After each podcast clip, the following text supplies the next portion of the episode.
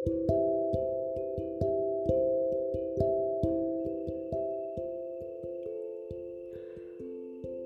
orang yang bilang bahwa mereka bersedia belajar lebih baik. Banyak orang yang bilang dalam doa-doa mereka, "Tuhan, aku siap untuk dibentuk." Banyak doa-doa yang dipanjatkan,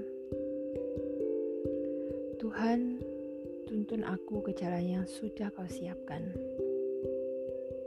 Aku percaya rancanganmu adalah yang terbaik. Aku percaya jalan Tuhan adalah jalan yang terbaik. Banyak permohonan-permohonan yang diucapkan kepada Tuhan, kepada semesta, dan semuanya mengatakan bahwa mereka siap untuk berproses. Kenyataannya, kenyataannya, dalam proses itu kita ini suka pilih-pilih. Kita maunya melewati proses yang menyenangkan. Kita maunya belajar dengan cara yang kita sukai.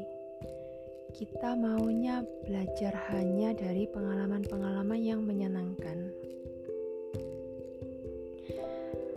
Kita tidak mau dapat guru yang menjengkelkan, dapat guru yang bermulut kasar, kita maunya semuanya serba baik.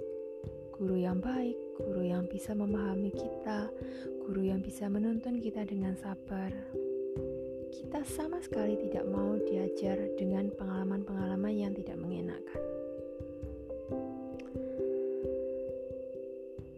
Ketika kita ditegur atau kita mendapat masukan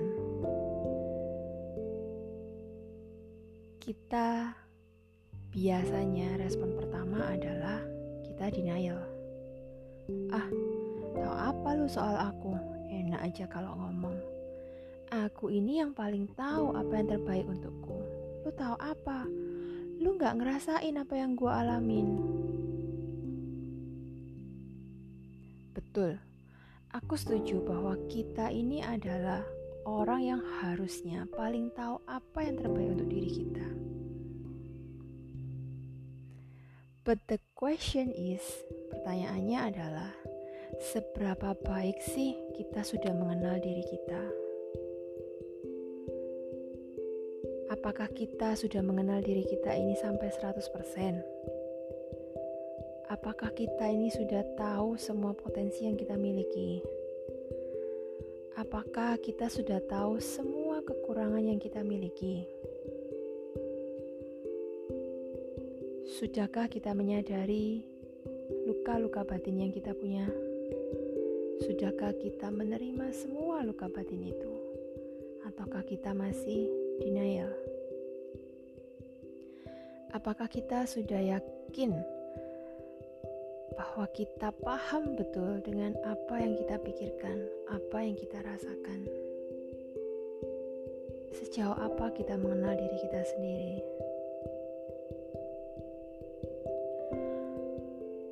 Meyakini bahwa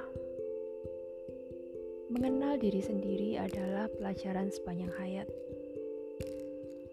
Sampai kita menutup mata, menghembuskan nafas terakhir kita mungkin akan tetap ada bagian-bagian dalam diri kita yang masih belum kita kenali.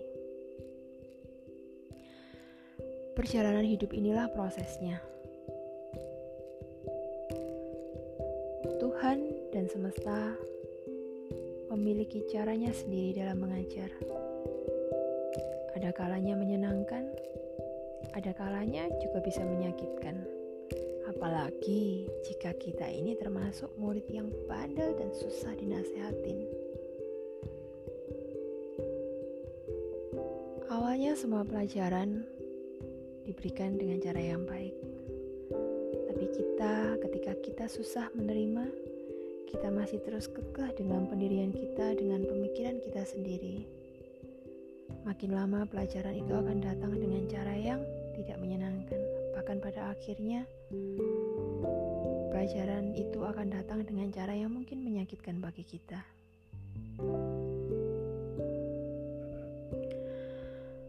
Aku uh, dulu dulu banget aku pernah ikut uh, dalam sebuah seminar dengan beberapa teman. Kemudian di tengah-tengah seminar itu aku mengeluh ke temanku. Duh, ngantuk. Ngantuk banget. Yang ngomong bosenin ya. Aku bilang gitu ke temanku. Lalu temanku bilang gini. Yang penting itu bukan pembicaranya, tapi isinya. Bisa nggak lo nangkep isinya? Kita ke sini kan tujuannya mau belajar, bukan mau lihat pembicaranya.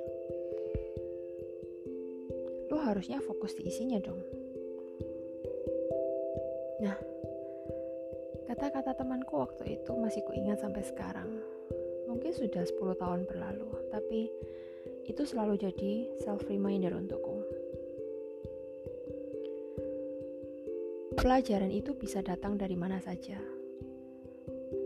termasuk mungkin dari orang yang kita anggap membosankan, dari orang yang kita benci, tidak sepaham dengan kita, Pelajaran itu bisa datang dengan orang datang dari orang asing yang baru saja kita kenal beberapa detik, beberapa menit yang lalu. Atau bisa juga orang pelajaran itu datang dari orang-orang yang mungkin hidupnya tidak sesusah kita menurut kita.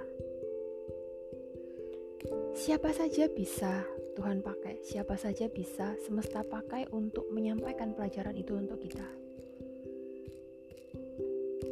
siapa pun mereka atau apa pun itu, tidaklah penting. Mereka hanya media yang sedang dipakai untuk menyampaikan pelajaran itu ke kita. Yang terpenting adalah apakah kita sudah menangkap pelajaran itu? Pahamkah kita dengan pelajaran tersebut? Jika kita terus-menerus berkutat di masalah yang sama, jika kita terus berputar di masalah yang itu-itu aja, itu lagi, itu lagi, dan itu lagi, maka kita bisa mulai berpikir apa yang salah, pelajaran apa yang belum bisa ku ambil. Selalu ada pelajaran di setiap peristiwa, entah itu peristiwa baik, entah itu peristiwa buruk selalu ada pelajaran di baliknya. Ketika kita tidak bisa menangkap message itu, maka pelajaran yang sama akan terus datang kepada kita dan mungkin akan semakin menyakitkan untuk kita. Maka, belajarlah baik-baik sebelum dihajar dengan keras.